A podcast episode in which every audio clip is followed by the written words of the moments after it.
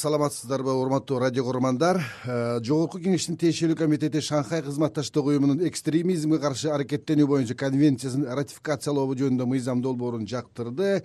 Шкуга мүчө мамлекеттерге тыюу салынган таблиги жамаат уюмунун кыргызстанда эркин ишмердигинин тобокелчилиги канчалык. Деги эле диний радикализмди экстремизмди алдын алуу боюнча кандай чараларды көрүү керек деги эле кандай саясат болуш керек деген теманын тегерегинде биз бүгүн кеп кылабыз. Бүгүнкү биздин талкуубузга жогорку кеңештин депутаты исхак масалиев жана серепчи искендер ормон уулу биз менен телефон аркылуу э, талкуубузга кошулмакчы. Искен мырза саламатсызбы? Саламатсызбы? Биздин талкуубузга аяныча чейин кошулуп берүүңүздү өтүнөбүз. Э, анда биз талкуубузду баштасак исхак мырза мына жогорку кеңештин э, эл аралык иштер коргоо жана коопсуздук комитети кечээ астанада шаарындагы эки миң он жетинчи жылы кабыл алынган шанхай кызматташтык уюмуна кирген мүчөлөрдүн экстремизмге каршы аракеттенүү боюнча конвенциясын ратификациялап жактырып бердиңиздер. Эми ага ылайык э, биз э, шанхай кызматташтык уюмуна кирген мүчө мамлекеттер э, мыйзамдарын биз анын ичинде кыргызстан дагы аны тааныйт ага ылайык келтириш керек деп түшүнсөк болот да. Эми мындай да саламатсыңарбы биринчиден мен тактоо иретин айтайын бул комитеттен эмес жалпы жыйында талкууга алынып добуш берүүгө жиберилген да. Демек бул комитет эмес бул жогорку кеңеш макулдукту бергенде болуп атат.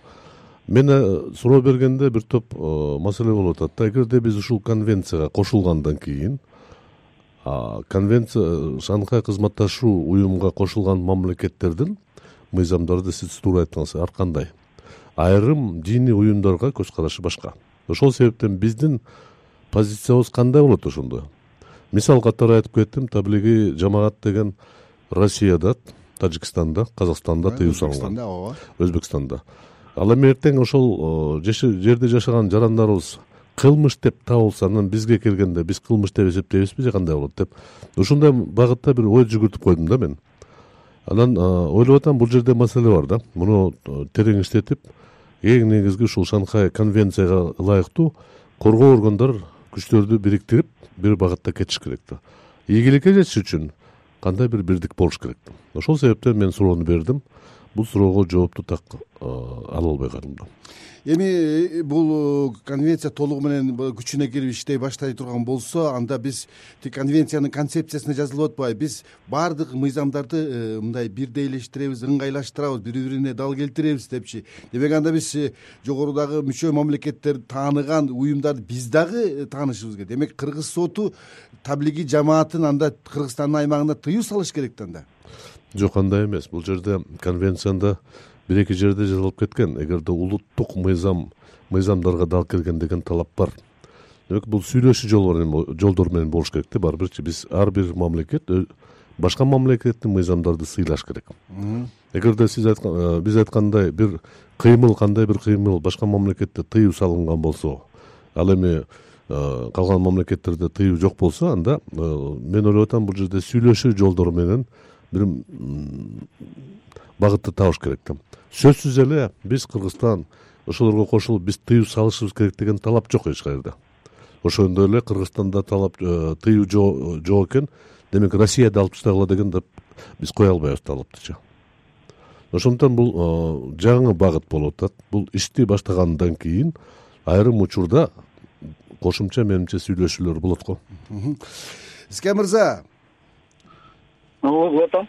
Кыргызстанда исламий диний агымдарынын бир э, так багыттары же болбосо сандары сизге белгилүүбү? Эгерде белгилүү болсо алар кандай иш аракеттерди жасашат? Э, биздин мыйзамдарга каршы келген же болбосо бир башка аракеттерин сиз байкайсызбы? Сиздин э, жыйынтыктарыңызда иликтөөлөрүңүздө албетте бул диний агымдар диний жамааттар дегенде ушунчалык көп түрдүү билесиздер биз эгемендүүлүк алгандан бери динге карай ыктаган жалпы коомчулук э, ар түрдүү ыкмалар менен э, биздин өлкөбүзгө келген же болбосо бизден барып окуп келгендердин себепкерчилиги менен э, агымдарга түшүнүктөргө кошулуп олтурат.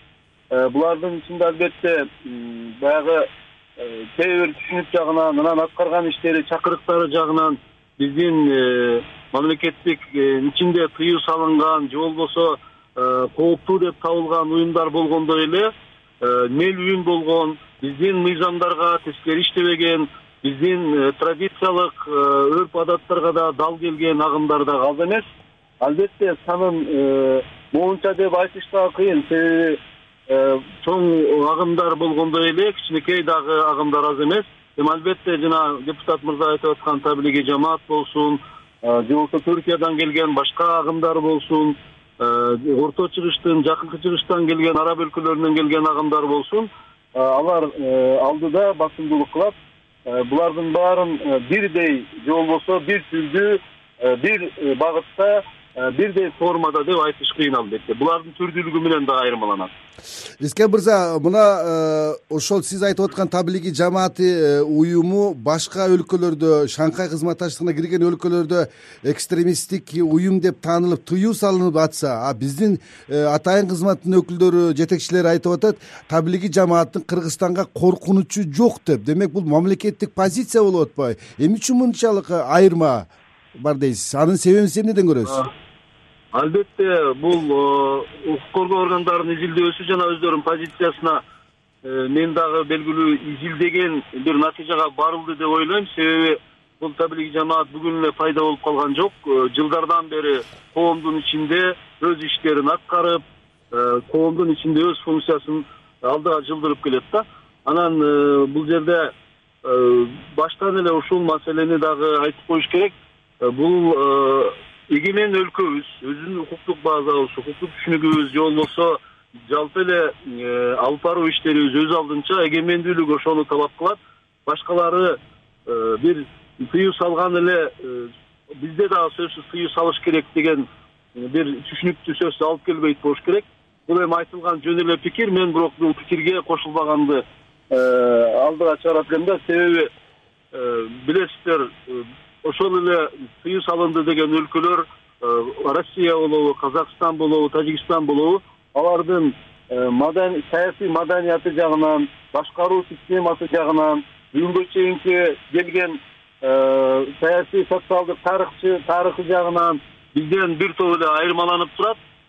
Авторитардуулугу менен же болбосо бир эле диний жамааттарга каршы эмес башка агымдарга башка түшүнүктөргө дагы кескин баскы басымдуулук кылган бир түшүнүгү менен алдыга чыгат да.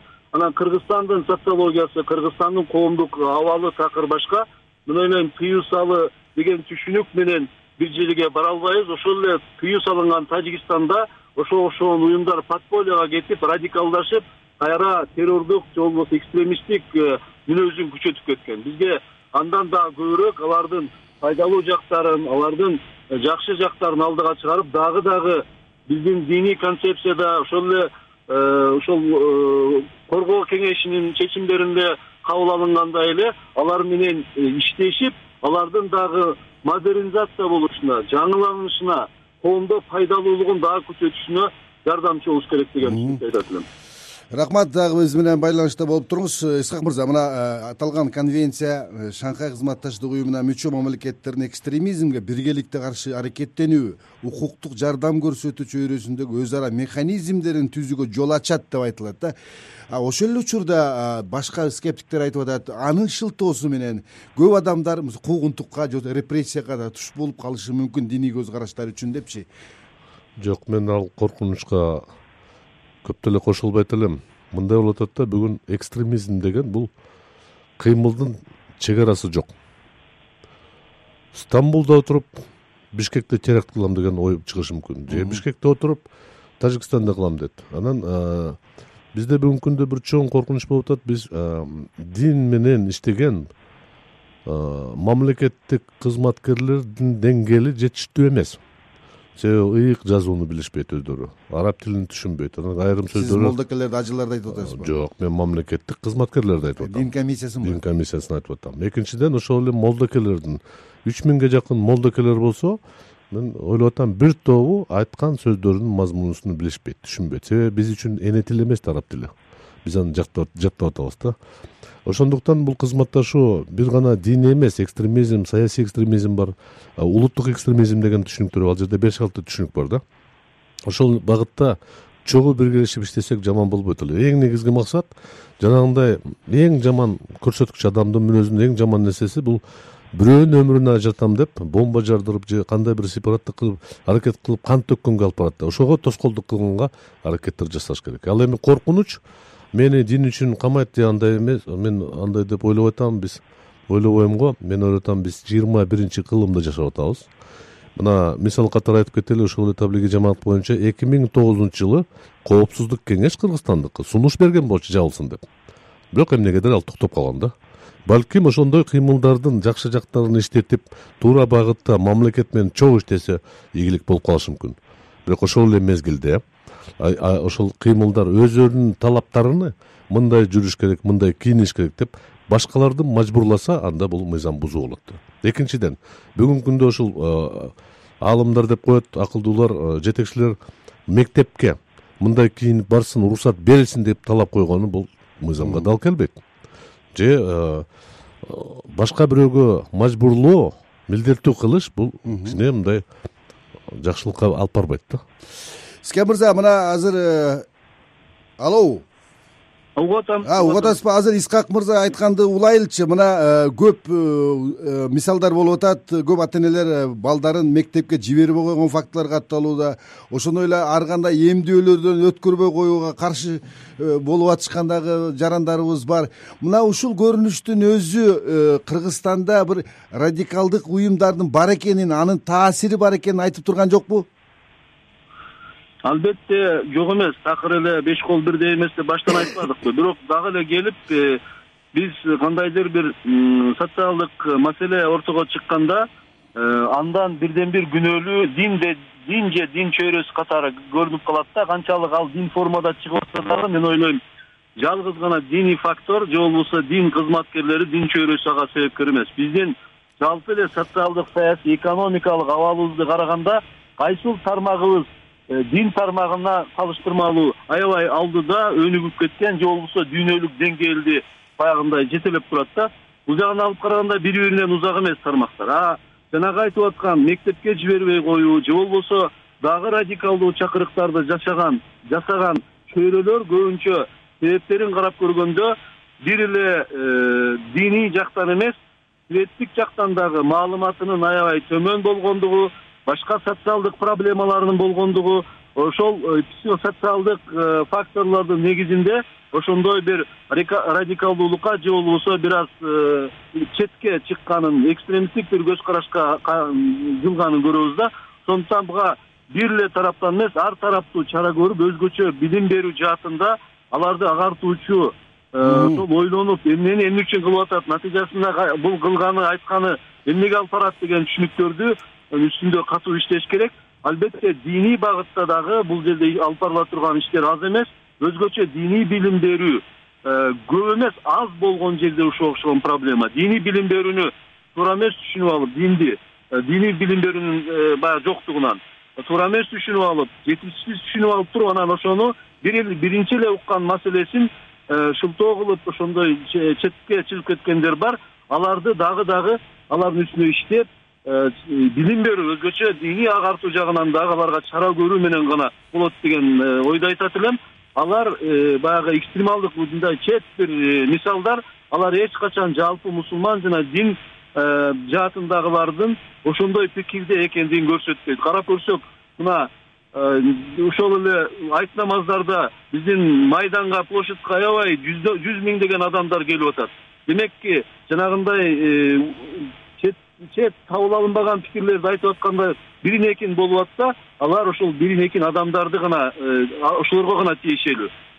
Жалпы динге таандык дегенде биз жүз миңдеген адамдарды көрөт элек андай эмес баары заманбап мектептерге бергиси келип окутуп алдыга жылгып аткан учурлар дагы аз эмес да. Ошол жагын дагы билишибиз керек деп ойлойм рахмат э, исхак мырза мына кыргызстан өкмөтү э, соту же болбосо ислам мамлекети алкаида талибан жана башка бир топ бир нече уюмдарды э, бул кыргызстанга коркунуч туула электе эле бул тыюу салынган уюм катары чектеп соттун чечим чыгарып коюшкан да. А биз болсо таблиги жамааты коркунуч азырынча жок деп атабыз да.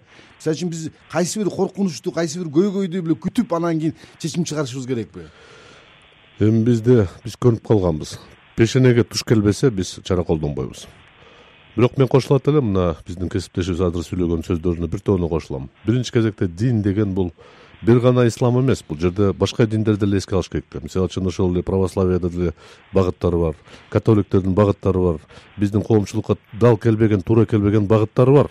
Балдарын мектепке бербеген окутпагандар бар да бирок балдарды окутушу бул биздин милдетибиз да биринчи кезекте. Ошондуктан туура айтып атасыз биз э, кандай бир кырсык кудай сактасын эми? Биз баары бирибиз кудай сактасын деп турабыз. Э, биздин жолубуздан өтпөсө ошондой болбосо турмушубузда биз анда кокуй деп айтпайбыз да. Ошондуктан мен ойлоп атам бул жерде алдын ала туптуура айтып атат биз чогуу иштешибиз керек. Талаша турган эчтеке жок.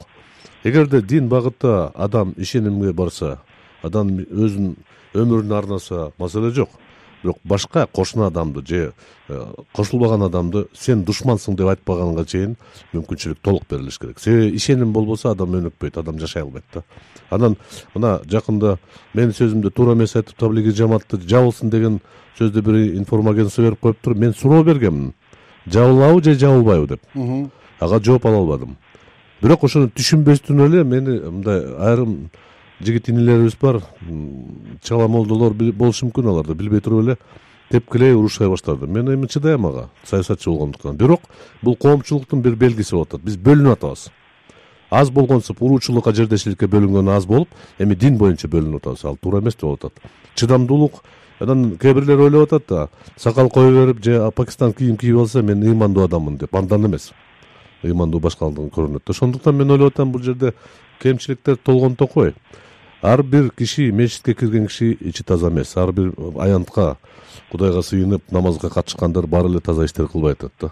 Ошол себептен биз чогуу бир талкуулап макулдашып сүйлөшсөк кандай бизге дал келет кандайсы туура болот эгерде туура багыт болсо эмне үчүн мамлекет колдобойт? Колдойт мүмкүнчүлүк бериш керек. Бирок бир нерсени эске алышыбыз керек. Эч качан эч кандай дин мамлекеттин ишине аралашпаш керек да. Буйрук бербеш керек. Ошол эле сакташ керек. Калганы ар бир жарандын өзүнүн ыктыяры. Конституциялык укугу бар. Анан аны кызматтан четтетүү же кызматка жол бербөө деген бул туура эмес да кылмыш жасаса же ката болсо же иштей албаса анда чектөөлөш керек. Ал эми диний ишеним боюнча бул мүмкүнчүлүк бербеш керек да Э, искен мырза мына биз жогорудагы кеп болуп жаткан конвенцияны жөнүндө сөз болгондо биз э, ислам э, диний экстремизм терроризм менен гана байланыштырып карап атабыз да. Ал документте кайсы бир динге тиешеси жок болуп айтылып атат да биз кыргызстанда деги эле борбордук азияда башка диндердин дагы бир радикалдык же болбосо экстремисттик бир коркунучу барбы?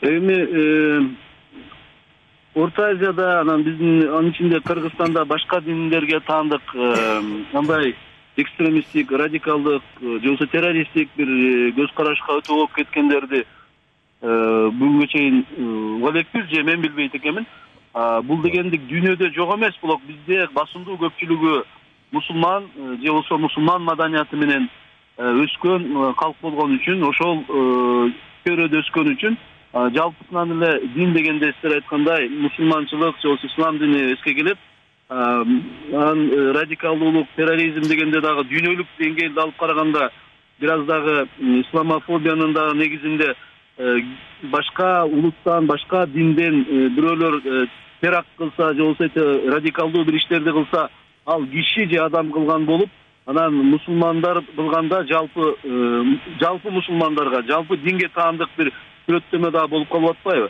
Бир э, бир жактуу дагы көз караш дүйнөлүк деңгээлде дагы жок эмес да.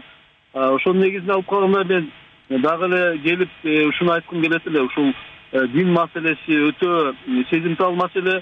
Буга белгилүү чөйрөдө билимдүү болгон эле баардык чөйрөдө билими бар болуп анан дин чөйрөдө дагы эң жогорку деңгээлде багыттоону бере турган мындай акыны көрбөш керек.